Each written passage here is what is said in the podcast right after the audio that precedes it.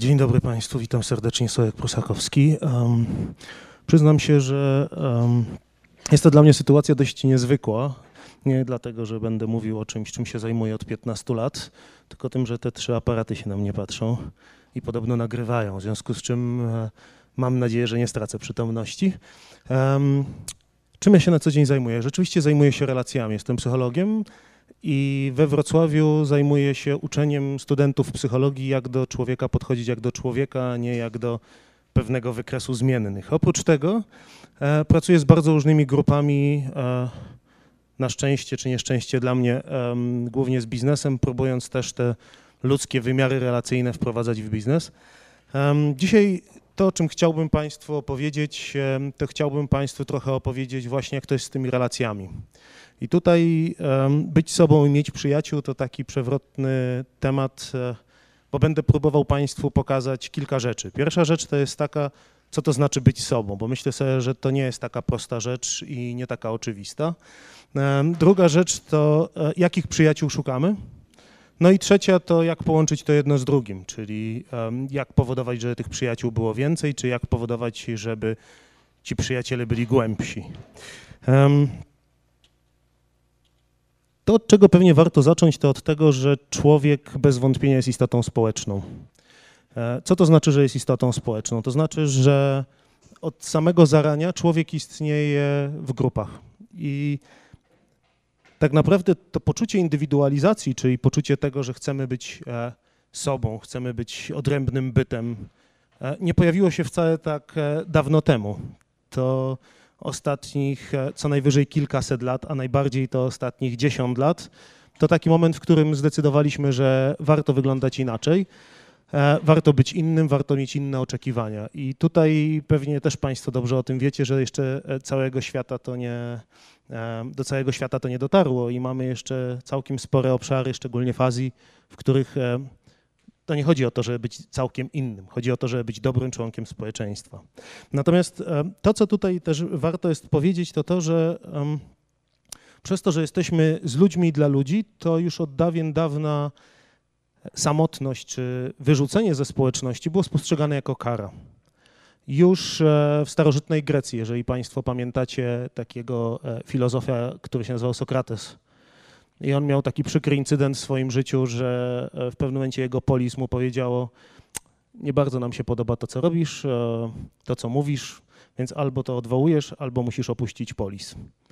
E, no i łaskawie dali mu do wyboru, że ewentualnie, jeżeli nie chciałby opuścić polis, to może wypić cykutę, co równało się śmierci. I dla tego człowieka, jak i dla wielu, wielu ludzi w tamtym czasie, opuszczenie swojej społeczności było jednoznaczne ze śmiercią. W związku z czym, jak pewnie wiecie, wypił cykutę. Wydawałoby się, że to bardzo dawne dzieje, ale tak do końca nie jest, ponieważ e, e, nie wiem, czy Państwo kojarzycie taką panią, która się nazywa Papusza. Papusza to poetka, poetka cygańska, romska, która jako pierwsza w ubiegłym wieku już, ale to w drugiej połowie ubiegłego wieku, pozwoliła panu Jerzemu Ficowskiemu na to, żeby przetłumaczył jej wiersze, które były pisane E, czy tworzone w języku Romanii e, na język gadziów, czyli język e, nieromów, choć to nieco pejoratywne określenie, bycie gadziem. No i to, jak ona zapłaciła za tą swoją zgodę, to również wykluczeniem ze społeczności i dla niej to również był powód do tego, żeby popełnić samobójstwo. W związku z czym dla bardzo wielu ludzi można powiedzieć, że bycie poza społecznością, bycie poza swoim kręgiem bliskich znajomych, życie samotne jest czymś e, strasznie ciężkim. Strasznie ciężkim też w naszej kulturze. E, Rysie Gridel, wydaje mi się, na zdjęciu powinien być. E, samotność to taka straszna trwoga i rzeczywiście ta trwoga to nie tylko taka artystyczna wymówka, ale jeżeli spojrzymy na człowieka i na naukę, jaką jest psychologia, czy dziedzinę nauki, jaką jest psychologia i co o tym mówi, to ona mówi dokładnie o tym, że dla nas samotność jest e, powrotem do lęku pierwotnego, do takiego lęku, który mówi nam, że przestaniemy istnieć. E, jest bardzo ładna teoria, która się nazywa teoria zarządzania trwogą. E, autorzy Grünberg, Pyszczyński, Solomon, którzy jasno powiedzieli, że człowiek tak się boi tego, że zniknie, że robi mnóstwo rzeczy po to, żeby być e, zajęty czymś innym. Odwraca uwagę jak tylko może. No i odwracamy tą uwagę na bardzo różne sposoby. Najlepszym sposobem jest mieć dużo przyjaciół, e, dobrze spędzać czas, być e, dla innych i być z innymi, ale oczywiście współczesność pozwala nam również na inne sposoby radzić sobie z tą trwogą, na przykład poprzez kupowanie. Nie wiem, czy Państwo wiecie, kiedy w Stanach Zjednoczonych runęły wieże World Trade Center e, albo w Polsce po e, katastrofie w Smoleńsku e, ludzie kupowali na potęgę. I nie kupowali tylko telewizorów po to, żeby lepiej widzieć, ale generalnie kupowali. Chodzili do sklepów i wydawali pieniądze. Jeżeli chodzi o ilość poczętych dzieci, również po takich wydarzeniach mamy pewną górkę. I tłumaczy się to właśnie tym samym. Tym, że nagle dociera do nas to, że możemy przestać istnieć. I samotność, czyli brak przyjaciół, brak znajomych, jest też taką sytuacją. Na początek, e, mówiąc o przyjaciołach, mówiąc o znajomych, o bliskich, chciałbym trochę statystyki, trochę takich podstawowych badań publicznych. No i zacząć chciałbym od czegoś, czego autorem jest Robin Dunbar. To jest e, profesor e, antropologii, który stwierdził, że generalnie maksymalna ilość bliskich znajomych, znajomych, przyjaciół, których jesteśmy w stanie udźwignąć, to uwaga, 150 osób. Ale tak naprawdę ci, którzy nas interesują i których śmiercią byśmy się przyjęli, to 15 osób. Nie wiem, jak Państwo macie, ale e, ja jak spojrzę na swojego Facebooka, to mam tam grubo powyżej 150 osób i myślę sobie, że to też taka ułuda, iluzja. Ilu mam znajomych. O. Od czasu do czasu robię sobie taki rachunek sumienia i zastanawiam się nad tym, z iloma z nimi e, ja rozmawiam na co dzień. Nie ma ich na pewno więcej niż 30. W związku z czym też warto jest pamiętać o tym, że powierzchowne relacje jesteśmy w stanie zachowywać z wielką ilością osób, e, ale takie głębokie to jest te 15 osób e, najczęściej do osiągnięcia. No właśnie, ale e, jeśli chodzi o statystyki, to też warto jest pomyśleć, czego my szukamy u znajomych, u przyjaciół. I tutaj bardzo pomocny staje się OBOP, opinia, Ośrodek Badania Opinii Publicznej, który w niestety 99 roku e, po raz ostatni przynajmniej do takich badań e, udało mi się dotrzeć, e, zrobił badania Polacy o przyjaźni.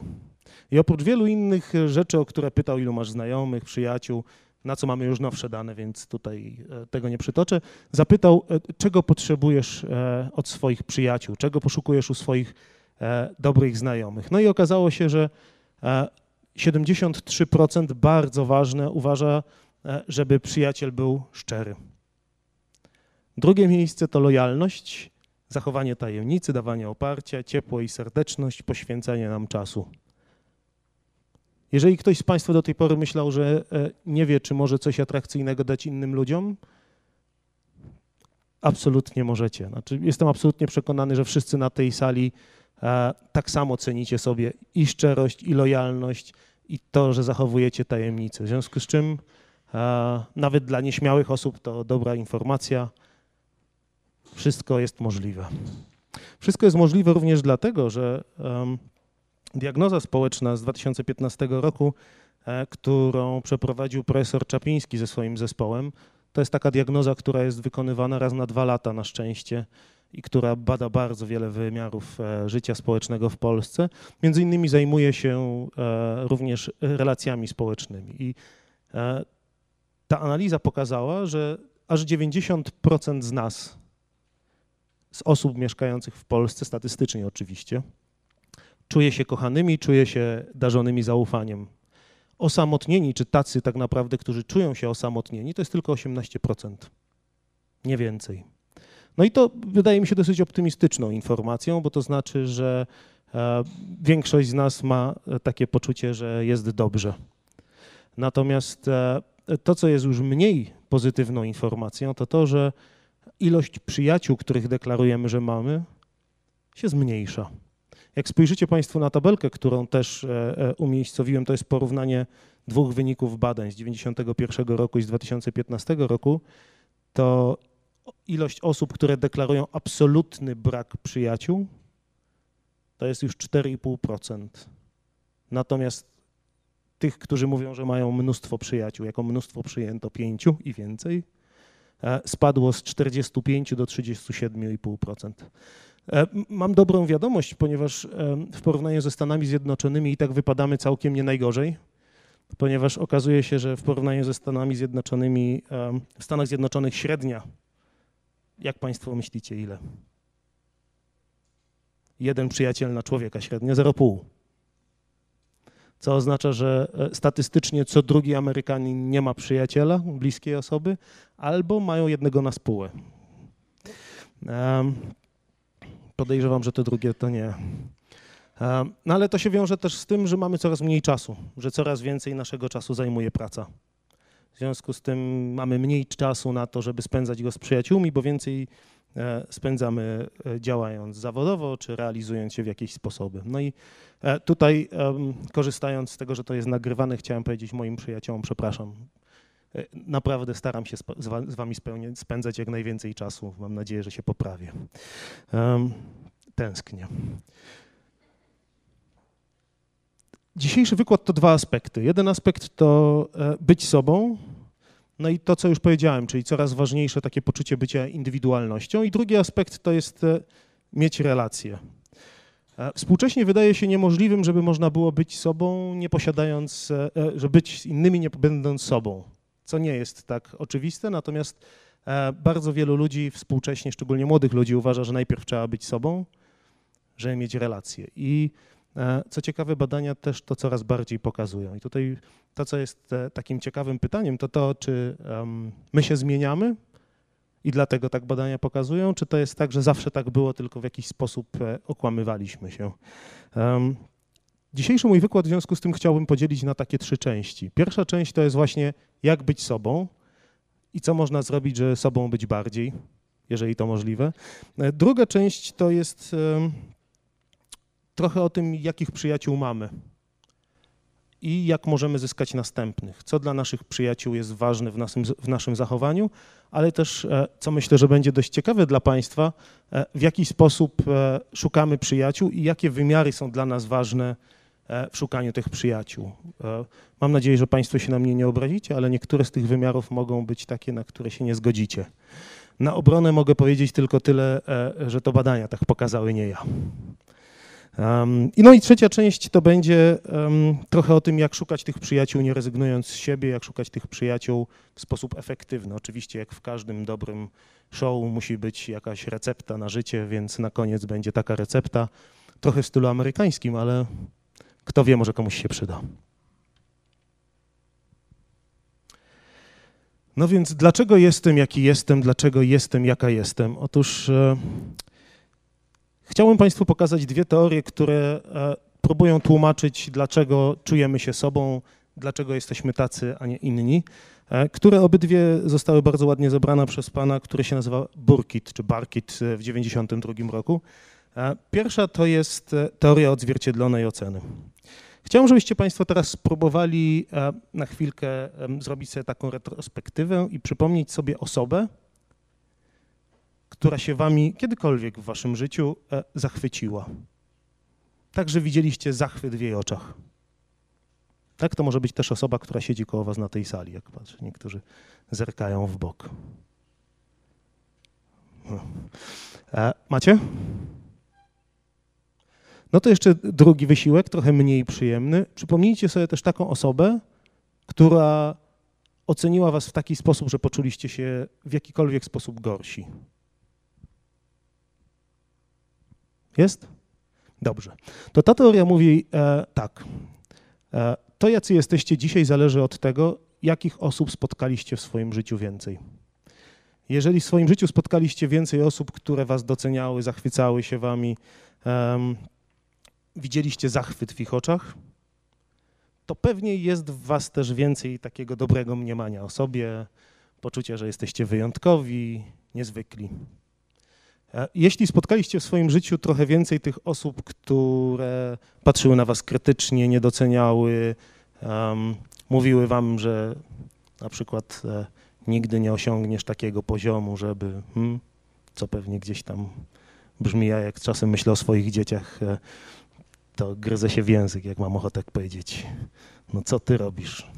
Nie, jesteś super, będziesz lepszy. Trudne zadanie.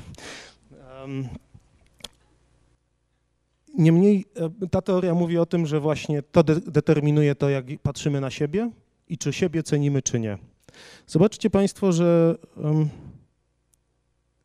ponieważ świat stał się mały, to coraz więcej jest takich sytuacji, kiedy próbujemy zaimponować ludziom wokół po to, żeby dostać od nich coś, co nazywamy głaskami, tak? czyli żeby nas docenili. Jeżeli nie czujemy się docenieni, to jesteśmy w stanie bardzo dużo zaryzykować, bardzo dużo zrobić po to, żeby poczuć się docenionymi. Świat nas coraz więcej wymaga, e, nawet nasi rówieśnicy. No i niestety jednym z efektów tego jest to, że e, szczególnie młodzi ludzie współcześnie robią bardzo dużo różnych e, trudnych, dziwnych rzeczy tylko po to, żeby zostać zauważonymi. Z takich um, dla mnie jeszcze, pomimo tego, że ciągle czuję się młody, um, traumatycznych rzeczy um, ostatnio, których się dowiedziałem, to jest na przykład to, a, przynajmniej we wrocławskich gimnazjach tak jest, nie wiem jak w poznańskich, a, że istnieje instytucja e, zdjęcia, które się nazywa nudeską i zdjęcia, które się nazywa sofcikiem. Patrzycie na mnie, jakbyście nie wiedzieli o co chodzi, to dobrze. E, choć może lepiej nie wiedzieć.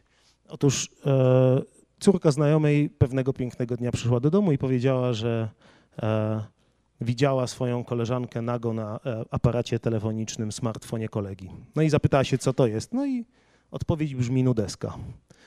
Nudeska to są zdjęcia wykonywane samodzielnie przez gimnazjalistki po to, żeby wysłać chłopakom, żeby zyskać ten podziw w ich oczach, zyskać tą niezwykłość w ich oczach.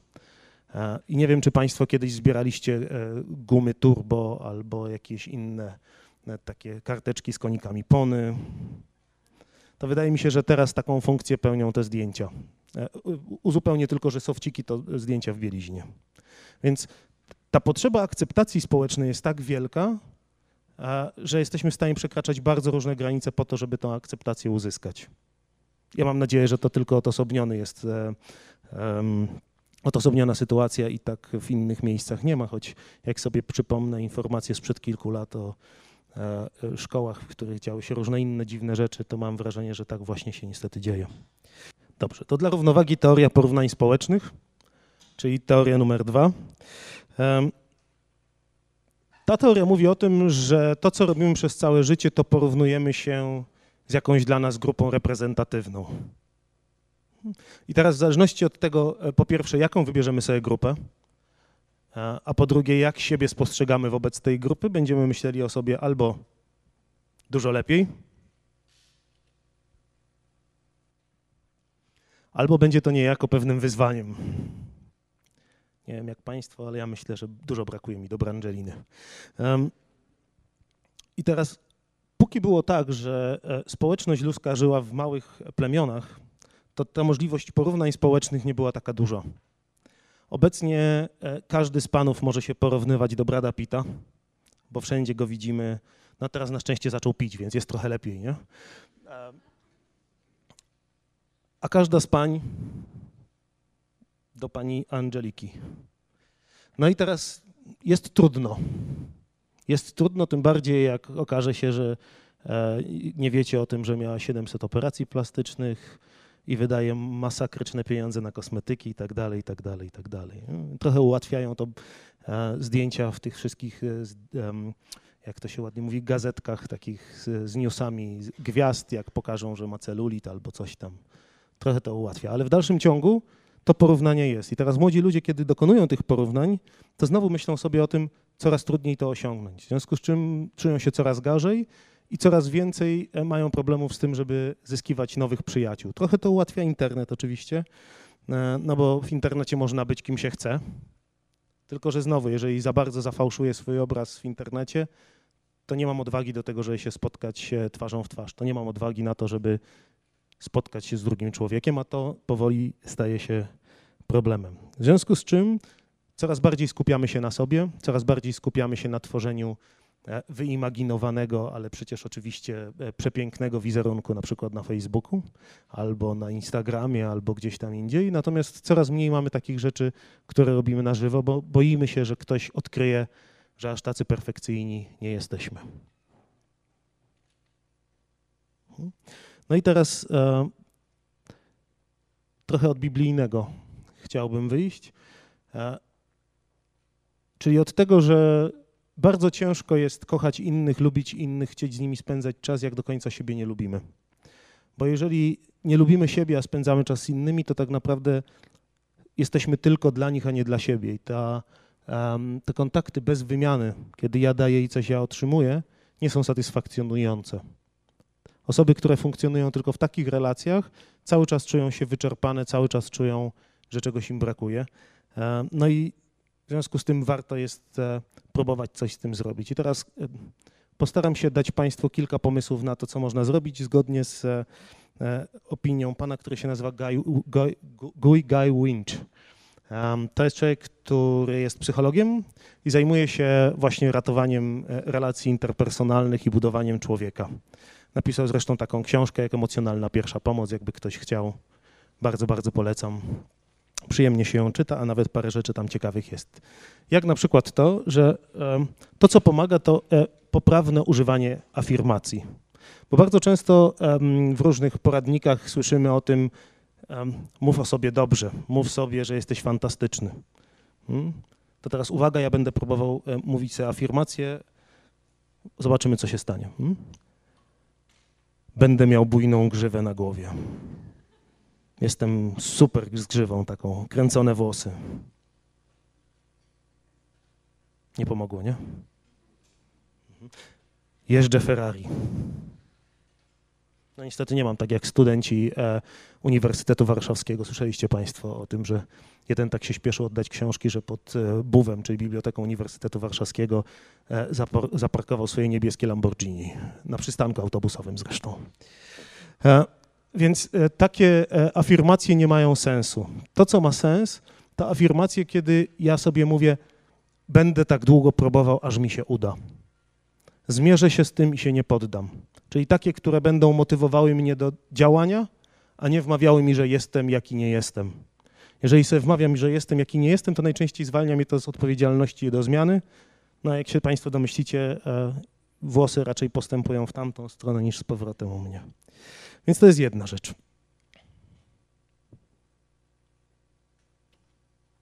Dobrze.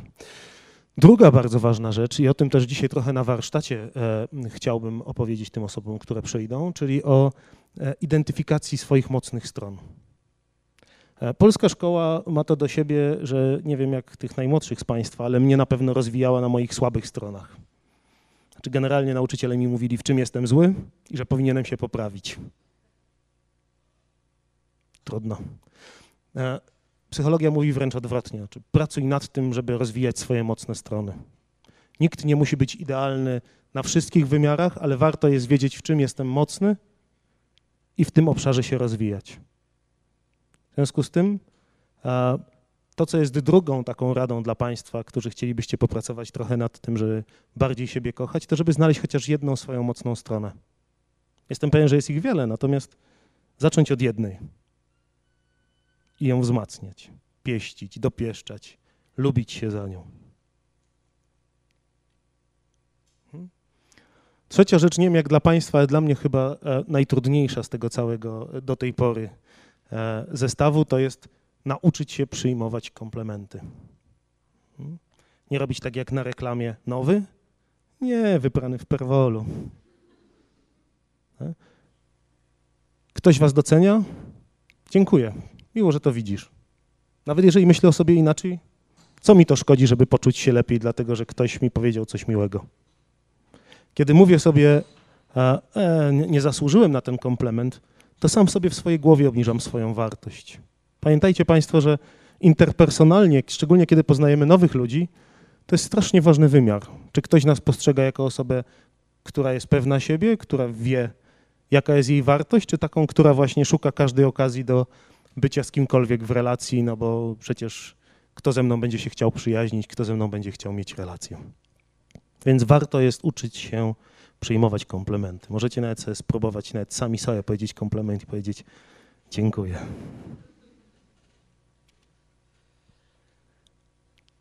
Czwarty punkt e, brzmi trochę enigmatycznie. Zamieniaj samokrytycyzm na samowspółczucie. O co tutaj chodzi? E, Na pewno macie Państwo chociaż jedną osobę, choć jak patrzę na to, jak tutaj przyszliście, to nie wydajecie mi się takimi mocno introwertykami, ale może. Więc jednego przyjaciela załóżmy, że macie, hmm? któremu się coś w życiu nie udało. Coś planował, nie wyszło. Nie wiem, umówił się na randkę, ona nie przyszła. E, że nie było seksistowsko, umówiła się na randkę, on nie przyszedł. E, no i teraz, co byście powiedzieli takiemu przyjacielowi? To, co najczęściej mówimy przyjacielowi, będę teraz strzelał, nie? Może mówicie różnie, ale nie ta to inna. Hmm? Nie ten to inny, tak. To przyjacielowi też tak można. Można też powiedzieć, e, jakby ciebie poznała, to by dopiero zobaczyła, co straciła. Albo jesteś naprawdę więcej warta niż ktoś, kto nie zechciał przyjść nawet na jedno spotkanie z tobą. Hm? A co sobie mówimy? Że jestem taki beznadziejny, że nawet nie chcę przyjść na jedną randkę ze mną, nie? Kurczę, poznała się na tym, jaki jestem kiepski. Więc to, co jest tą czwartą radą, to jest to, że w momencie, kiedy nam się zdarzy jakaś porażka, nawet taka randkowa, to żeby powiedzieć do siebie to, co byśmy powiedzieli naszemu przyjacielowi. Docenić siebie. No bo tak naprawdę nie wiemy, co tam było przyczyną tego niepowodzenia. Więc zamiast sobie dowalać, lepiej poklepać się trochę po plecach po to, żeby dać sobie energię do dalszego działania. No i ostatnie, um, wzmacniaj swoją wartość. I teraz jak to należy robić? Można to robić cały czas, choć pan Winch proponuje najbardziej po właśnie nieudanych um, sytuacjach. Ja zachęcam zazwyczaj swoich studentów do tego, żeby przynajmniej kilka razy w roku akademickim sobie zrobili to sami dla siebie. Czyli jeżeli na przykład e, poszedłem na randkę i ona nie przyszła, to to, co muszę zrobić, to zastanowić się, jakie są moje super cechy, których ona nie mogła poznać. Wybrać sobie jedną z nich i napisać esej, dlaczego uważam, że to jest super cecha, jeżeli chodzi o budowanie relacji z drugą osobą. W ten sposób poświęcam czas na to, żeby utwierdzić się w tym, że jestem wartościowym człowiekiem, że mam fantastyczne cechy. Um, Trudnością w tym wszystkim, żeby osiągać te pięć punktów i z nich korzystać, jest to, że jesteśmy, generalizuję, wiem, być może niektórzy z Państwa tak nie mają, ale generalnie nie jesteśmy nauczeni szacunku do siebie. E, częściowo też szacunku do innych, ale on pewnie też wynika z szacunku do siebie. E, w związku z tym, to od czego zawsze warto zacząć, to od tego, żeby tego szacunku mieć dla siebie trochę więcej. No i tutaj bardzo zachęcam do tego, żeby zapoznawać się z asertywnością, i budować tę asertywność, czy na warsztatach, czy czytać książki. Tego nigdy za dużo. Kiedy znam swoją wartość i szanuję innych ludzi, to jest ta sytuacja, która jest najlepsza. Ok. A jeśli jednak mimo tego wszystkiego, co ja powiedziałem, no jest dramat, znaczy jest jakaś cecha, której w sobie nie akceptuję.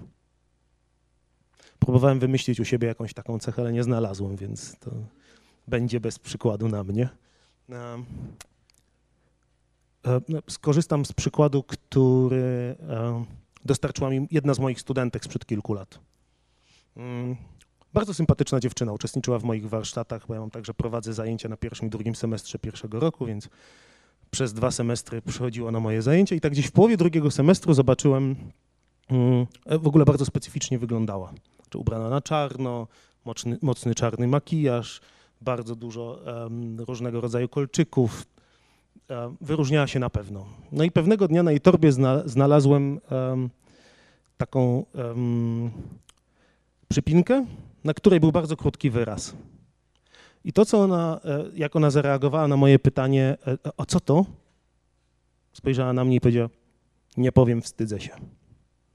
Więc ja to sobie zrozumiałem tak, że ona znajduje się w tej grupie, która uważa, że z jednej strony ta cecha, którą posiada, czy to zachowanie, które preferuje, jest na tyle e, do ukrycia, że nie można nim pochwalić się publicznie. No i tutaj chciałbym Państwa trochę uspokoić. Jeżeli pomyślicie o jakiejkolwiek cesze, może to być na przykład e, otwartość, i uważacie, że macie za dużo otwartości. Hmm? To jest tak, że przeciętnie, przeciętną otwartość ma, tak jak jest na wykresie, 68% populacji. Większość z nas.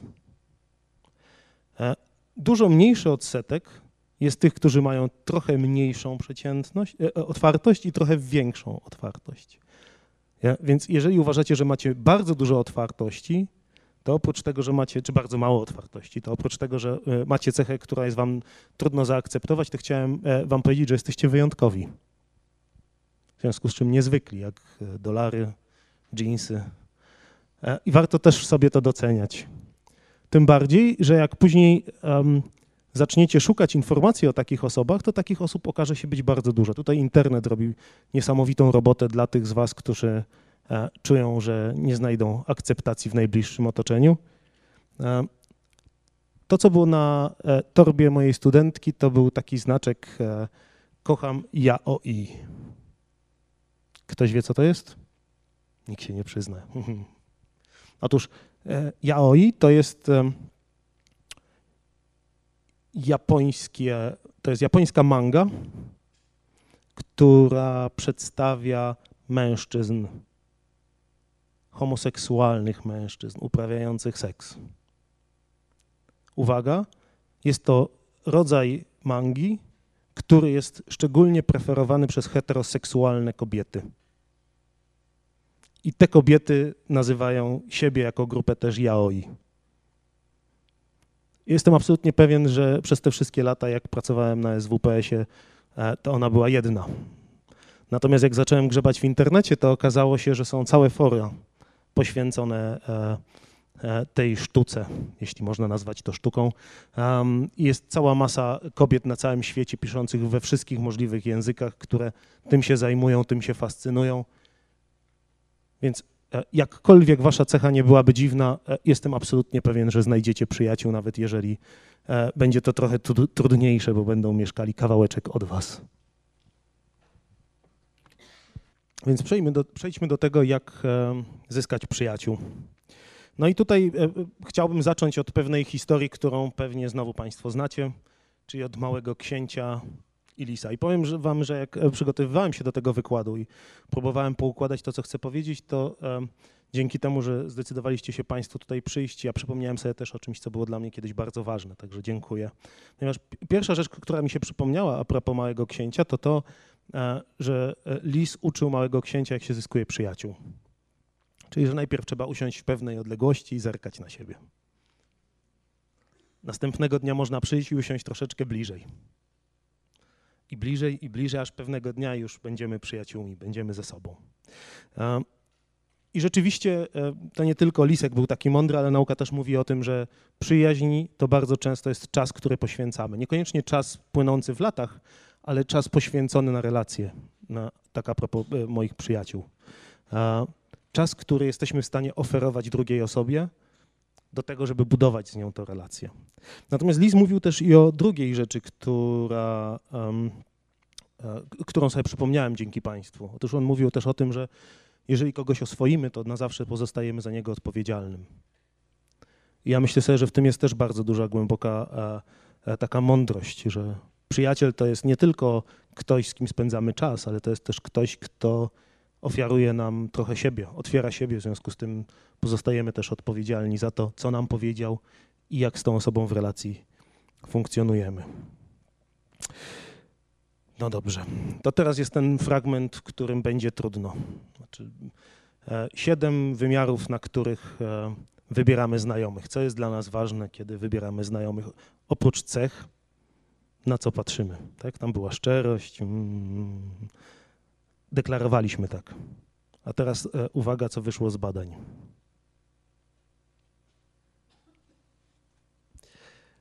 Niestety wygląd. I to jakby e, często kobiety mówią, jeśli chodzi o mężczyzn, to oczywiste. E, otóż badania pokazują, jeśli chodzi o kobiety, to oczywiste. Niezależnie od płci, pierwszy kontakt, wygląd odgrywa bardzo dużą rolę.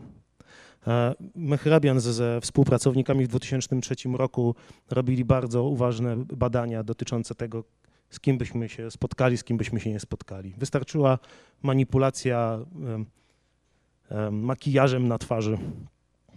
Podobno robiono mężczyznom taki makijaż, żeby nie było widać, że to makijaż. Em, i Jedne osoby preferowaliśmy, drugich nie preferowaliśmy. Wystarczyło spojrzeć.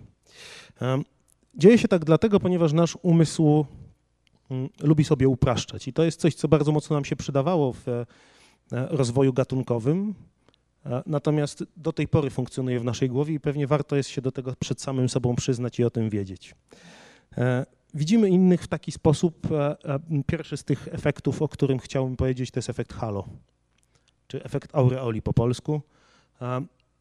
Nasz umysł wie, że jak ktoś jest atrakcyjny, to jest jednocześnie mądry, dobry, sprawiedliwy, uczciwy. Generalnie ma bardzo dużo pozytywnych cech. E, Atrakcyjny, co to znaczy? E, Głównie symetryczny. Symetryczny i dopasowany do naszej grupy docelowej. Czyli e, patrzymy głównie na symetrię twarzy. Im bardziej jest asymetryczna, wszyscy mamy asymetryczną, tak przy okazji. Nie? To nie jest tak, że jest ktoś, kto ma idealną, natomiast im bliżej tego ideału, tym spostrzegamy tę osobę za bardziej atrakcyjną. Jakakolwiek dysharmonia rozwojowo świadczy o jakichś problemach e, e, w odżywianiu, jak człowiek był młodszy. Nie? Że czegoś mu tam zabrakło. No więc wiadomo, nie? gorsze geny i tak dalej, i tak dalej. To już oczywiście du- dużo mniejszą rolę odgrywa teraz niż kiedyś, ale w dalszym ciągu e, nasz umysł tak na to patrzy. Druga rzecz to jest stereotyp.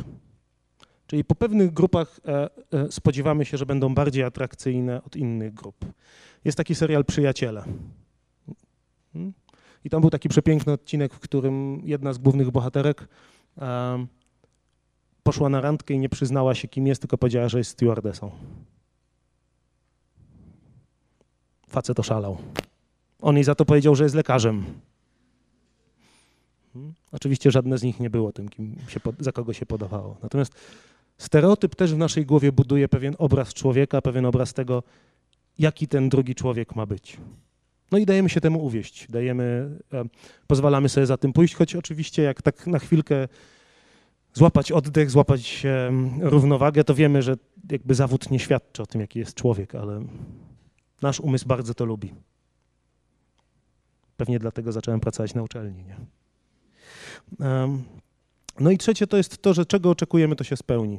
Czyli jeżeli jesteśmy o czymś przekonani, ktoś nam na przykład powie, że to jest kiepska partia, to nasz umysł zaczyna tak selekcjonować e, informacje, że wybiera tylko te, które potwierdzają tą hipotezę, która w naszej głowie już się zalęgła. W związku z czym, jak nie chcecie wiedzieć, y, idziecie na randkę w ciemno, to nie pytajcie nikogo, jaki on jest. Pozwólcie sobie doświadczyć tego sami. No i jeszcze chciałbym dać dwa, dwa takie e, pomysły, co można robić z tym, żeby nie zostawiać na lodzie. Nie? Powiedziałem, że jest dramatycznie i teraz co z tym zrobić. Pierwszy to jest e, pomysł, czy e, odkrycie, które e, dokonał pan, który się nazywa Dan Ariely, czy Don Ariely, który zajmuje się nieracjonalnością człowieka. I on odkrył taki syndrom brzydszego brata. Jeżeli chcecie dobrze wypaść, a uważacie, że wyglądacie przeciętnie, to warto zabrać ze sobą na pierwsze spotkanie kogoś, kto jest do was podobny, ale wygląda nieco gorzej. Wtedy wy zostaniecie ocenieni lepiej. Nasz umysł tak działa. Jak mamy możliwość porównania, to nam się rozsuwają. Na krańce prawie, że odchodzi ta rzecz. Także e, to trochę tłumaczy to takie, jak byłem młody, widziałem zawsze dwie dziewczyny. Jedną taką ładniejszą i taką bardziej korpulentną koło niej i się zastanawiałem dlaczego. Dan mi to wytłumaczył. Ta ładniejsza wiedziała, jak jeszcze podkręcić swoją atrakcyjność. No i to jest pierwszy pomysł. Drugi pomysł e, to jest pomysł pani, która się nazywa Amy Cuddy, która była strasznie nieśmiałą osobą i w związku z tym została e, naukowcem, obecnie już profesorem i zajmuje się wizerunkiem. E, I ukuła takie powiedzenie fake it, fake it until you make it. Czyli udawaj, udawaj, aż ci się uda. E, I sama sobą dowiodła tego, że jak bardzo długo człowiek e, pokazuje, że jest wyprostowany, dumny, to w pewnym momencie sam zaczyna się tak czuć. W związku z czym już nie musi się prostować, bo jest wyprostowany. W związku z tym warto jest pamiętać o tym, że ludzie na zewnątrz nie wiedzą, jacy jesteśmy w środku. I czasem trochę poudawać, a z czasem to się stanie częścią naszej natury. A i chciałem powiedzieć jeszcze, że ja nie mam pojęcia, jaki to jest typ e, urody ta pani z e, biszkoptem w środku. E, bardzo mi się spodobał rysunek i próbowałem znaleźć odpowiedź, ale nie znalazłem. Druga kategoria, według której wybieramy znajomych, przyjaciół i osoby nam bliskie, to jest podobieństwo, ale podobieństwo nie wyglądu, tylko podobieństwo zainteresowań, poglądów, rozrywek. Okazuje się, że w ten sposób e, dużo częściej, dużo łatwiej znajdujemy. Zresztą, e, jak poznajemy nowych ludzi, to często szukamy tego podobieństwa. Ja mam na przykład kota. Ktoś z Państwa ma kota? Już lubimy się bardziej, nie? Mielibyśmy o czym porozmawiać. I to podobieństwo, czy to e, też lubię czytać książki, czy to też lubię jeździć na rowerze, to jest coś, co bardzo mocno nam pozwala uzyskać nowych przyjaciół, uzyskać nowe towarzystwo.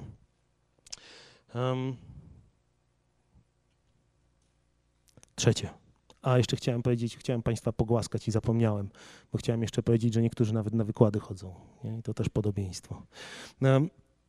Trzecie to jest komplementarność. I tutaj e, muszę podważyć bardzo ogólne e, stwierdzenie pod tytułem e, przeciwieństwa się przyciągają.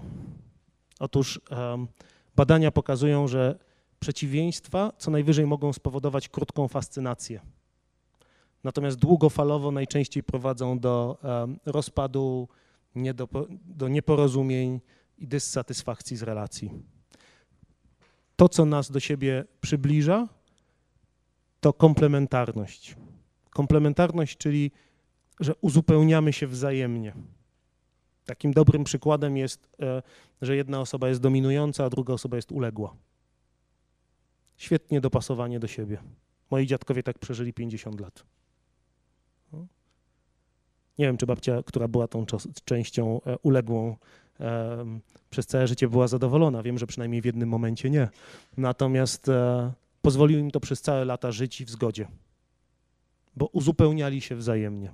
Jakby były dwie osoby, e, uzupełniali, nie, nie byli przeciwieństwami, bo przeciwieństwa rozumiane w ten sposób to będzie osoba bardzo otwarta i bardzo zamknięta.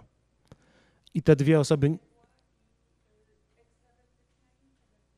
no nie, uległa i dominująca to trochę jest inny wymiar, bo e, dominująca to jest taka osoba, która narzuca innym, ekstrawertyk tylko po prostu eksploduje na zewnątrz. Osoba dominująca jest też taka, że musi mieć kogoś, kogo by mogła zdominować. Nie? Bo po co być dominującym, jak się nie ma nad kim dominować? A osoba uległa to jest taka, która się dostosowuje i bezpieczniej się czuje, albo więcej dostaje wtedy, kiedy się podporządkuje komuś. E, I znowu wymiar, który wydaje mi się dosyć trudny i dyskusyjny, czyli szukamy znajomych, e, dzięki którym mamy korzyści. I tutaj, tutaj nie chodzi mi o to, że zarabiamy na tych znajomych tak w bezpośredni sposób, choć pewnie i takie relacje się zdarzają.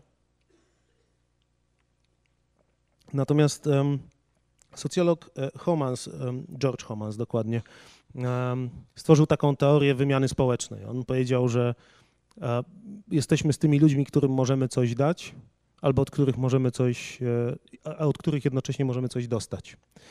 Mm, I taki przykład e, z mojego bliskiego otoczenia to mój bardzo dobry przyjaciel, który całe lata temu nie był zbyt zamożny, żeby nie powiedzieć, że był biedny. No i miał przyjaciółkę, której bardzo mocno pomagał, a ona go zapraszała do knajp i stawiała piwo, drinki. A potem się wzbogacił. No i poczuł, że już nie chce naciągać przyjaźni, tylko e, zaczął za siebie sam płacić. I co? Przestali się spotykać. Bo nie było szansy na wyrównanie długów. Znaczy, on mógł jej poświęcać dalej swój czas, ale już nie chciał od niej e, niczego w zamian. I on pewnie byłby przez czas, jakiś czas w stanie tak funkcjonować, natomiast dla niej to już nie było atrakcyjne. Czuła, że zaciąga dług. W związku z czym ten przepływ, o którym mówiłem na początku, ta obustronna korzyść na bardzo różnych wymiarach, to jest też coś, co e, bardzo ładnie określa, co utrzymuje nas w relacji.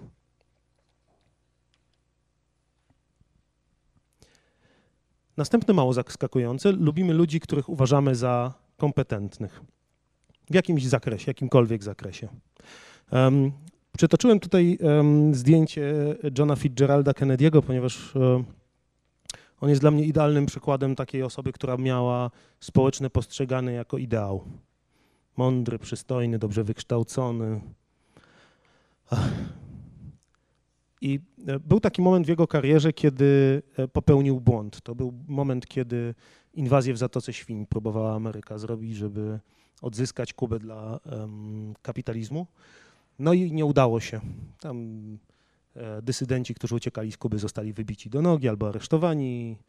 E, zaostrzyło to stosunki z Kubą i wszyscy obawiali się tego, że e, prezydent Kennedy na tym straci. I wydarzyła się rzecz e, e, zdumiewająca wtedy jeszcze, nikt tego się nie spodziewał. Otóż okazało się, że ludzie kochali go jeszcze bardziej. Dlaczego? Bo był bardziej ludzki. Był doskonały, był wzorcem dla wszystkich, ale miał też jakąś niedoskonałość. I to powodowało, że dla ludzi stał się bliższy. Więc warto jest um, być w czymś bardzo kompetentnym, a potem wchodząc do lokalu się potknąć. Nie tak, żeby się wyrżnąć, ale na chwilę się potknąć, przewrócić, e, stracić równowagę po to, żeby pokazać, że są też takie obszary, gdzie potrzebuję wsparcia albo nie jestem taki doskonały. E, dla innych to będzie łatwiej żyć z kimś takim. Nie? O, to moje ulubione. Otóż e, to, co powoduje, że mamy znajomych i przyjaciół, to odległość, bliskość. Um, fantastyczny eksperyment zrobiła Mary Segal w Stanach Zjednoczonych. Otóż to, co ona zrobiła, to poprosiła uniwersytet, na którym pracowała, żeby w jednym akademiku umieścić studentów alfabetycznie. Czyli od góry w pokojach mieszkało A, B, C, D, E, nazwiskami, nie? bo to tak łatwo, aż do Z. I po upływie połowy semestru ankieterzy zupełnie przypadkiem zaczęli chodzić po e, akademiku i tam różne pytania zadawać i przy okazji pytali, z kim się przyjaźnisz. I okazało się, że aż 41% osób e, na literkę M przyjaźniło się z e, e. Co jest przed M? K, dzięki.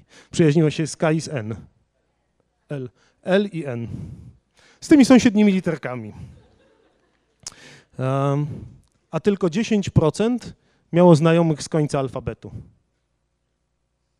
No tłumaczenie dosyć rozsądne, wydaje mi się. Jak kogoś częściej spotykamy, jest większa szansa, że się zaprzyjaźnimy. Jest większa szansa, że e, będziemy mieli relacje. Ja to też zauważyłem e, na sytuacji moich dzieci i przedszkola.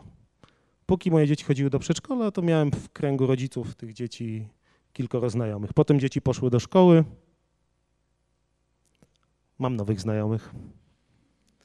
E, oczywiście jedna osoba z tamtych została, tak, ta, z którą się zdążyłem najmocniej zaprzyjaźnić, natomiast e, warto jest o tym też pamiętać. Jak chcemy mieć e, przyjaciół, to musimy w ogóle gdziekolwiek bywać. Wyjść z domu, pójść do knajpy. Nawet jak tam szósty raz będziemy siedzieli na tym krzesełku, na pewno znajdzie się ktoś, kto zauważy, że szósty raz siedzimy na tym krzesełku i podejdzie i powie, o, widzę, że już szósty raz siedzisz na tym krzesełku. I to może być początek nowej relacji. Trzeba dać sobie szansę.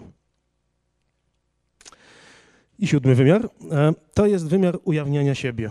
Bardzo lubimy osoby, które nam mówią o sobie. Coś, czego nie mówią nikomu innemu. Natomiast uwaga, mówią to po trochu w zamian za to, co my im mówimy. Czyli jeżeli poznajemy nowego kolegę i mówimy, wiesz, bo ja to już od czterech lat nie mam wzwodu, przy pierwszym spotkaniu niekoniecznie to będzie przyjaźń na całe życie. Mówimy o sobie coś bardziej skrytego, ta osoba może nam się odwdzięczyć i w ten sposób coraz bardziej pogłębiamy swoją relację. Jest to do tego stopnia mocne, że jest taki pan, który się nazywa Arthur Aton i on um, parę lat temu ogłosił, że znalazł przepis na miłość. Napięcie buduje. Otóż e, stworzył on listę 36 pytań. Powiedział, jeżeli zadacie sobie w parze te 36 pytań, a potem przez 4 minuty będziecie patrzyli sobie w oczy, to się zakochacie.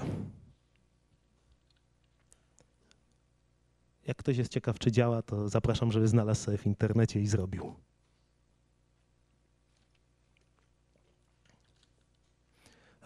Minimum, które osiągniecie, to będzie to, że będziecie czuli rzeczywiście więź z tym drugim człowiekiem. Bo to są pytania takie od bardzo ogólnych po bardzo intymne. Co jest dla ciebie ważne?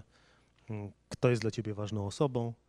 A kiedy rozmawiamy wzajemnie o takich pytaniach, to czujemy się bardziej związani z tą osobą, czujemy się z nią bliżej.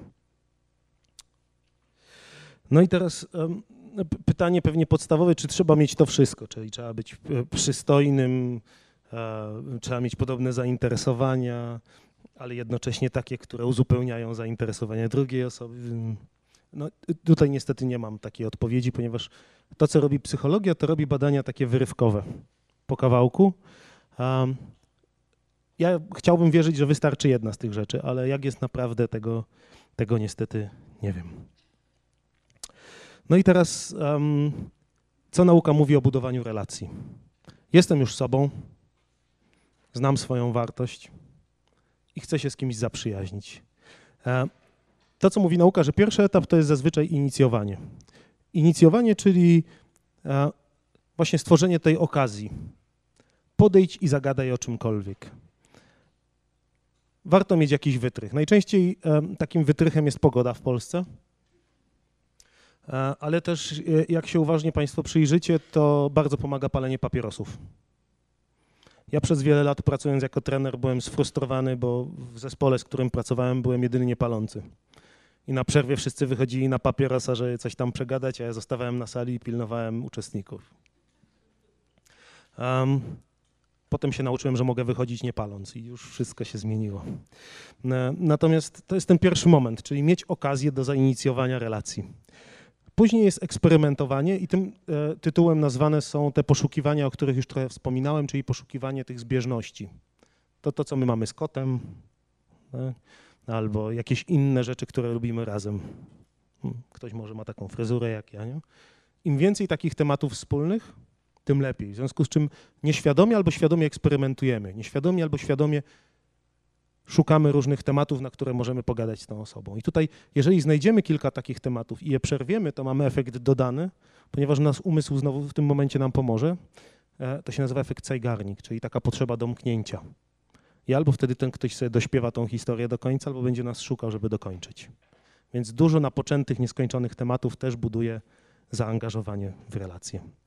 Trzeci poziom to jest poziom intensyfikowania i to jest e, poziom, kiedy zaczynamy spędzać razem czas. Czyli szukamy okazji do tego, żeby, nie wiem, razem zagrać w kręgle, wyjechać na wakacje, zrobić coś, co będziemy mogli zrobić razem. Potem jest e, integrowanie, no i tutaj już e, zaczyna się pojawiać wspólne środowisko, czyli zaczyna się pojawiać grupa, w której spotykamy się dość regularnie. To są te paczki, w których mam nadzieję każdy z Państwa chociaż jedną ma, bo za chwilę powiem, że to ważne. E, I te paczki to już jest taki bardzo mocny stopień zażyłości. E, ostatni punkt e, jest bardzo ważny, ale e, nie za wszystkimi, bo to już jest związek intymny. Czyli już bardziej intensywnie to już można tylko i wyłącznie, jeżeli naprawdę dużo ze sobą dzielimy. I to już jest zazwyczaj zarezerwowane do bardzo niewielkiej liczby osób. Natomiast pierwsze cztery kroki są dla wszystkich. I zobaczcie Państwo, że tutaj ciągle nie ma jeszcze takiej zbyt dużej przestrzeni na bycie sobą na ten indywidualizm, o którym mówiliśmy. Na szczęście mniej więcej od poziomu integrowania, a czasem od intensyfikowania, pojawia się reakcja w drugą stronę, czyli reakcja odróżniania. Czyli zaczynamy mówić o tym, że jesteśmy inni. I to jest ten moment, kiedy możemy pokazywać też e, swoją odmienność, możemy pokazywać też, e, czym się różnimy, co lubimy innego niż wszyscy. Zazwyczaj reakcja jest już wtedy na tyle mocna, że nasza przyjaźń nie słabnie, tylko się wzbogaca. Ja na przykład dwa tygodnie temu odkryłem, że jeden z moich przyjaciół skończył techniki, technikę, technikum budowy fortepianów. Znamy się z pięć lat. Nie mogłem w to uwierzyć. Trzy razy go pytałem, czy aby na pewno. I okazało się, że nawet podobno kiedyś budował fragment jednego fortepiana, fortepianu. Tak? W moich oczach zyskał. Jestem bardziej ciekawy jego osoby przez to, że się odróżnił. Więc warto jest też od pewnego momentu pokazywać tą swoją indywidualność, ale nie na początku. Bardzo ciężko się buduje relacje z człowiekiem, który na każdą naszą próbę znalezienia czegoś wspólnego pokazuje, że jest inny. Więc nawet jeśli jest w was silna potrzeba bycia indywidualistą, Spokojnie będziecie mogli to zrealizować, ale po pewnym czasie budowania relacji, a nie od razu. No i teraz um, um, trzy historie, jak zareklamować przyjaźń. Pierwsza historia jest taka, um, Dan Bettner, który jest badaczem długowieczności, szuka przyczyn, dlaczego ludzie żyją długo. I okazuje się, że jest e, na e, archipelagu Okinawa takie miejsce, gdzie ludzie żyją bardzo, bardzo długo i to jest chyba miejsce według Botnera, w którym najwięcej ludzi żyje najdłużej. Tam średnia wieku to jest 90 parę lat, a 100 na 100, let, 100 i coś tam letni ludzie zdarzają się bardzo często. I za, jak zaczął analizować, to oprócz, oprócz, takich rzeczy, jak oczywiście wegetariańska dieta, to co tam wszędzie teraz głoszą, jednym z powodów, dla których oni długo żyją, okazało się to, że mają tą samą grupę przyjaciół przez całe życie. Hmm? To jest 5 do 6 osób, które spędzają ze sobą czas razem, rozmawiając, uprawiając tai chi, śpiewając, chodząc na spacery. Okazuje się, że taka grupa osób, które nas wspierają przez całe życie, to jest dobry prognostyk długości naszego życia. Bardzo silna grupa wsparcia. A to może wynikać też z tego, e, co mówi e, badanie Sopkart. To w Polsce w 2008 roku było robione badanie, które pokazało, że osoby, które nie mają wsparcia społecznego, nie mają przyjaciół, nie mają silnych relacji, mają dwa razy większe szanse na choroby wieńcowe, choroby związane z krążeniem z sercem. Hmm? Co by pokazywało, że przyjaciele powodują, że mniej się stresujemy. Co by powodowało, że um, przyjaciele powodują, że lepiej radzimy sobie w trudnych sytuacjach, w związku z czym e, mniej obciążamy nasze serce, e, przez co żyjemy lepiej i dłużej. No i ostatnie, e, bardzo ważna rzecz, słuchajcie Państwo. Otóż badania pokazują, że posiadanie stałej grupy osób, z którymi spotykacie się przynajmniej raz w miesiącu, jak porównywano poziom satysfakcji, to poziom satysfakcji wzrasta tak, jakby ktoś wam z dnia na dzień o dwa razy podniósł pensję. Rozumiem, że nie ma tutaj osób, które chciałyby zamienić przyjaciół. No.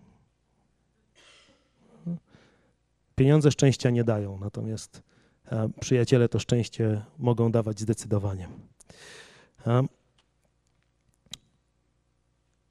Na sam koniec amerykańska e, porada o tym, e, jak budować relacje.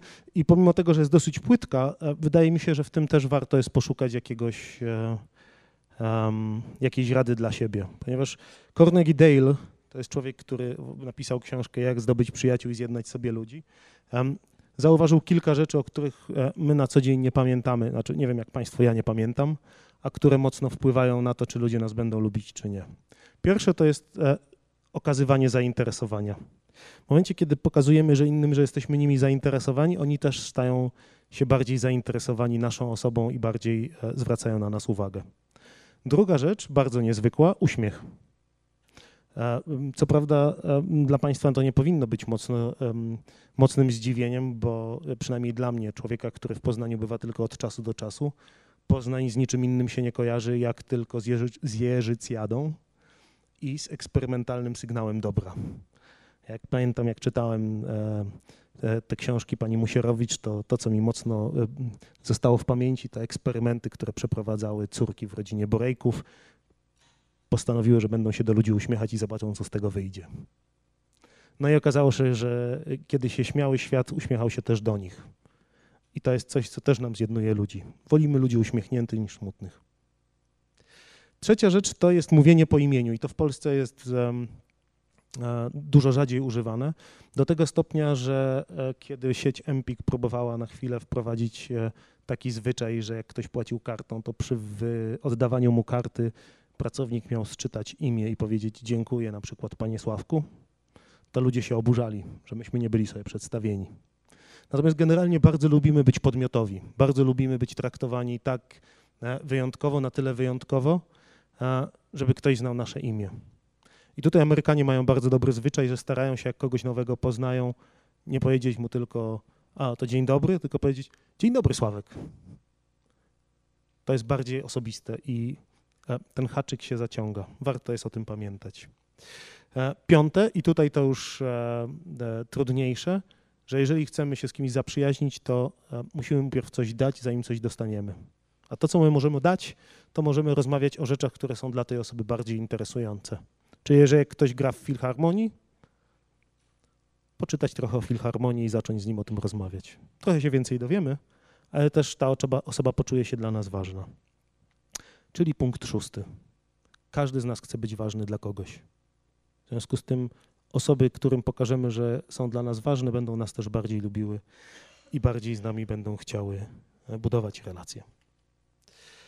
Bardzo, bardzo dziękuję za uwagę. Za chwilkę, jak rozumiem, pytania. Natomiast e, też na sam koniec chciałem powiedzieć, że jeżeli ktoś chciałby ze mną budować relacje, e, to tu jest mail. Proszę pisać, jeśli tylko będę w stanie. Odpowiem na Państwa pytania. Bardzo, bardzo dziękuję.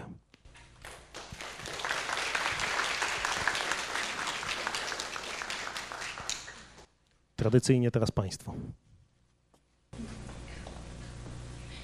Y, zwłaszcza starsi ludzie, starsze pokolenie, y, bardzo tradycyjne, nie lubi, jak mówi się po imieniu. Czasami zwracają uwagę, ale zaraz, zaraz, ja nie jestem Irenka, tylko proszę do mnie mówić.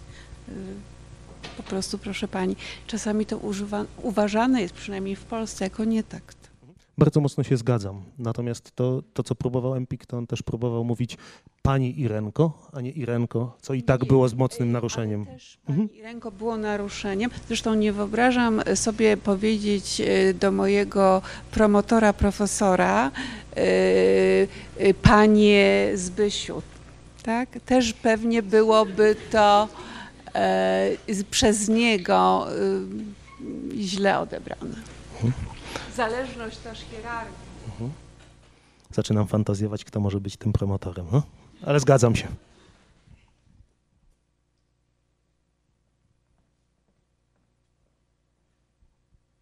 Stwierdziliśmy, że dla osoby kompetentnej drobna niedoskonałość przyniesie wzrost w kontekście przyjaźni.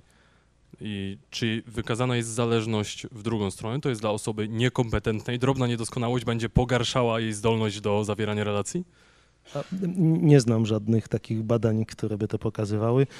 Natomiast ja raczej bym budował relacje na mocnych stronach. E, czyli ten punkt, który, o którym Pan wspomniał, fake it, fake it until you make it. Rozumiem, że to jest ważne tylko na początku zawierania znajomości, ponieważ tak naprawdę jest to trochę przeciwne y, zbudowaniu relacji i pozostawaniem sobą. Czy mógłby Pan skomentować tutaj, jak to by wyglądało dalej? Jasne. To zdecydowanie zgadzam się, że to nie jest dobry sposób na budowanie relacji, jeżeli jesteśmy cały czas sztuczni. Natomiast to, co Pani Ami e, powiedziała, co może być nie do końca jasno przekazałem, to to, że to chodzi o to, żebym ja bardziej się poczuł, niż bardziej e, próbował ciebie oszukać. Że kiedy ja zacznę sam dla siebie udawać, bo ja przecież taki nie jestem, ale będę cały czas wyprostowany, to moje ciało da mi informację zwrotną o tym, że taki jestem. Natomiast absolutnie zgadzam się, że nie budowałbym na tym relacji. Co więcej, na przykład wygląd też bardzo szybko traci na znaczeniu. Czyli są takie czynniki, które są ważne tylko na pierwszy moment, ale tak jak ze wszystkim, nie? żeby dać sobie szansę, to trzeba mieć ten pierwszy moment i warto jest wtedy o tym pamiętać. E, akurat znam książkę, czytałem książkę Amy i Presence i e, może to, ta jedna zmiana zmieni trochę postrzeganie, bo ona mówi nie fake it, fake it until you make it, tylko ona mówi fake it, fake it until you become it. I tam chodzi o to, że ona mówi, że e, tak jak pan powiedział teraz, że mowa ciała wpływa na sposób, w jaki mówimy, czyli jeżeli będziemy się zachowywali jak osoba pewna, pomimo tego, że tacy nie jesteśmy, to tą pewność sobie budujemy. I ona mówi na przykład o geście zwycięzcy, że osoby niewidome, tak, bardzo w ogóle ma fajną prezentację na TEDxie. Ona mówi o tym, że jeżeli będziemy pewne postawy udawali, udawali, udawali, bo chcemy je w sobie zbudować, to że te zachowania, to, to ciało to tych zachowań się nauczy i zacznie w ten sposób wewnętrznie reagować, pomimo tego, że w głowie ich nie mamy. Tak. Dziękuję. Tak, może Pan podać jeszcze jakieś inne przykłady komplementarności, które mogą e, e, pomagać e, w budowaniu relacji z innymi, oprócz tej uległości i domina dominacji ten przykład? Desperacko szukam. Jeśli Pan pozwoli się chwilkę zastanowię i odpowiem. Jasne. Czasami nie chodzi o kwestię emocjonalności, może, e, o- a o tyle też jakieś zadania w życiu codziennym, które wykonujemy, a się po prostu uzupełniamy, czy to jest pranie, prasowanie. Dziękuję bardzo mi blisko. Cieszę się bardzo, zawiązaliśmy już jakąś więź. To w jakimś sensie zahacza o te, o te korzyści, o których była też mowa. E, Na przykład o tym, jak ktoś ma pieniądze, ich nie ma. To są przeciwności, a pomagają sobie nawzajem, mogą przynajmniej. Ja myślę w ogóle, że te wszystkie rzeczy, o których mówiłem, się o siebie zazębiają i w różnych sytuacjach one mogą być nawet tożsame. Natomiast dla takiej czystości wywodu, a jakbym powiedział, że wszystko, że wszystkim, wszystkim się łączy, to mało by to było zrozumiałe, w związku z czym podzieliłem. Natomiast tak, zgadzam się, że to wzajemnie się przenika. A tu mi przyszło pytanie, czy psychologia zna jakieś badania, gdzie sprawdzano, mm, czy występuje, częst, częstym zjawiskiem jest mezalians, y, jeśli chodzi o relacje ludzi z różnych grup społecznych, czy, czy bardziej poziomów. Czy ma to wpływ na przykład poziom zarobków, to jest osoby zarabiające powyżej, zakładam, że amerykańskie badania, więc tam zarabiające powyżej 100 tysięcy dolarów rocznie, y, często zawiązują relacje z osobami właśnie z tej niższej półki, jeśli chodzi o zarobki. Znaczy, y, no, częstości nie znam żadnych badań, bo to pewnie jakieś statystyczne musiały być. Natomiast myślę sobie, że na pewno takie rzeczy mają miejsce i myślę sobie, że dobrym wytłumaczeniem jest właśnie e, em, wymiana korzyści. Tak? Czyli, że dostaję coś, a w zamian coś daję. W rozumieniu, że mezalians często ma miejsce, tak? E, tak, zdarzają się takie sytuacje, kiedy ludzie z różnych grup społecznych, z różnych, e, czy to zamożnościowych e, stratyfikacji, czy wyglądu, czy z miejsc na świecie przełamują tabu. W Polsce takim tabu na przykład jest kolor skóry, nie? więc w Polsce bardzo mocnym, mocnym mezaliansem, e, tak społecznie e, patrząc, jest e, związek z osobą o innym kolorze skóry, z innej kultury. To ja mam tutaj pytanie, jak reagować, kiedy ktoś zaczyna temat, w którym jakby nie czujemy się mocni albo nie mamy wiedzy? Czy lepiej tutaj na początku trochę udawać, dopóki nam to wychodzi, czy od razu lepiej zakończyć i powiedzieć, słuchaj, no niestety to nie jest moja działka, nie mam wiedzy, nie mogę dyskutować? My, my posługujemy się statystyką, tak? czyli prawdopodobieństwem. I tutaj myślę sobie, że często też działa efekt takiego e, e, starszego szeregowego, takiego pana, który miał 40 lat, jak go poznałem e, z garnizonu w e, południowo-zachodniej Polsce. I on był znany z tego, że na każdą imprezę w garnizonie przyprowadzał przepiękną kobietę. Sam miał 1,50 m, dosyć był taki postawny. E, No i za trzecim czy czwartym razem koledzy nie wytrzymali się go zapytali, jak ty to robisz? I on odpowiedział, no podchodzę i pytam. 99 się nie zgadza, setna się zgadza. No i to, to też tak działa. Y, Odnośnie tych cech, których w sobie nie lubimy, bo tak powiedział Pan, że mamy poszukać w internecie kogoś, kto ma taką samą cechę. E, Ja na przykład bardzo krytykuję ludzi. Mam poszukać ludzi, którzy też krytykują, czy lubią być krytykowani. Znaczy, tak y, jakbym mówił od siebie, to generalnie nie polecam, ale jak spojrzę na internet, to takie grupy bardzo mocno funkcjonują, mają już nawet swoją nazwę, więc to na pewno można znaleźć wśród nich wspólnotę em, em, sposobu patrzenia na świat. Natomiast tak y, y, szczerze, to radziłbym szukać innych cech takich, na których e, coś pozytywnego wyjdzie, bo tutaj konkurencja jest dosyć spora, jeżeli chodzi o krytykowanie w internecie. Czas mówimy, jak to zrobić, a szczególnie e, wiadome przyczyny, dlaczego ludzie tego nie umieją robić. Może jest jakieś podłoże, nie wiem, psychologiczne albo wyglądu, albo co, dlaczego tak jest.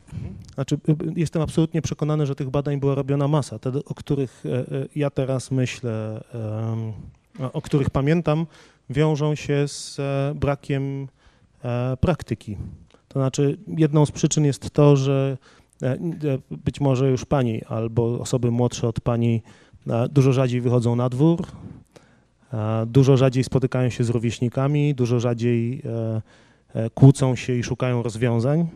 W związku z czym nabierają lat, a nie bardzo wiedzą, jak sobie radzić w relacjach społecznych. I to też widzę u swoich studentów e, już poza badaniami, że ja na przykład teraz muszę uczyć, jak rozpoczynać rozmowę z drugim człowiekiem, kiedy e, mnie się wydawało, że to jest coś zupełnie oczywistego. Po prostu wychodziło się na dwór i się do kogoś zagadywało. A tutaj my uczymy się tego, jakie tematy mogę sobie przygotować, w jaki sposób mogę zacząć tą rozmowę budować. I ten brak treningu i taka obawa, co się wydarzy, jeśli jest bardzo często hamująca do tego, że ludzie nie nawiązują relacji. Natomiast druga rzecz jest związana z tym, o czym mówiłem em, na początku, czyli z tym, do kogo ja się porównuję. Że coraz częściej ludzie wolą przedstawiać się w internecie, bo tam mogą podkreować swój wizerunek, niż spotykać się z człowiekiem w realu. Jedną z takich aplikacji, na przykład, e, która to bardzo ładnie pokazuje, jest Tinder. Nie wiem, czy pani zna. To jest taka aplikacja, która po pozwala em, dokonywać jednym kciukiem selekcji, kto mi się podoba, kto nie. Tak? mi- Ja się mu podobam i on mi się podoba, to nam wtedy em, wyskakuje, że jesteśmy dopasowani i możemy zacząć ze sobą rozmawiać. Nie? I to takie targowisko próżności. Natomiast ludzie bardzo w specyficzny sposób wrzucają tam swoje zdjęcia i później bardzo często nie, nie spotykają się z tą drugą osobą, bo mają poczucie, że jak się spotkają, to będzie rozczarowanie. W związku z czym ta potrzeba takiego kreowania wizerunku idealnego też przeszkadza w tym budowaniu relacji. A, a, te- te w ogóle powodów pewnie jest cały milion, natomiast takie dwa w tej chwili przychodzą mi do głowy. To ja mam takie pytanie odnośnie właśnie internetu i e, przyjaźni. Czy były prowadzone jakieś badania odnośnie tego, czy jakość e, przyjaźni zawieranych przez internet jest taka relatywnie taka sama jak w przypadku e, bliskości, która była między innymi jednym z czynników e, nawiązywania przyjaźni? E, I na ile czy jest jakby możliwość tego, żeby ta przyjaźń zawarta przez internet na odległość, tak, bo często powiedzmy gdzieś nawet z innych kontynentów, e, stanowiła jakby ten sam rodzaj przyjaźni, którą mamy taką osobistą, bezpośrednią. Em, To badań cała masa jest na ten temat. E, I większość z nich pokazuje, że jednak e, relacje e, online są słabsze i płytsze od takich e, mm, na co dzień, że tutaj ta częstotliwość e, spotkań ma znaczenie.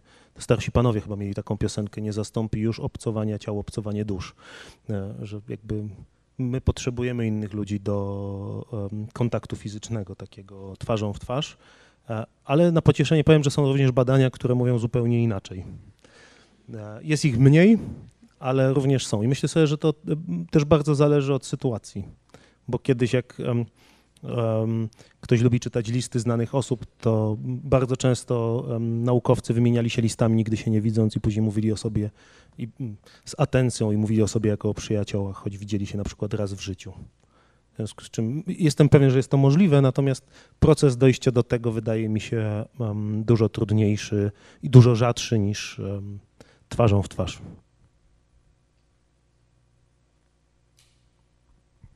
Dziękuję bardzo.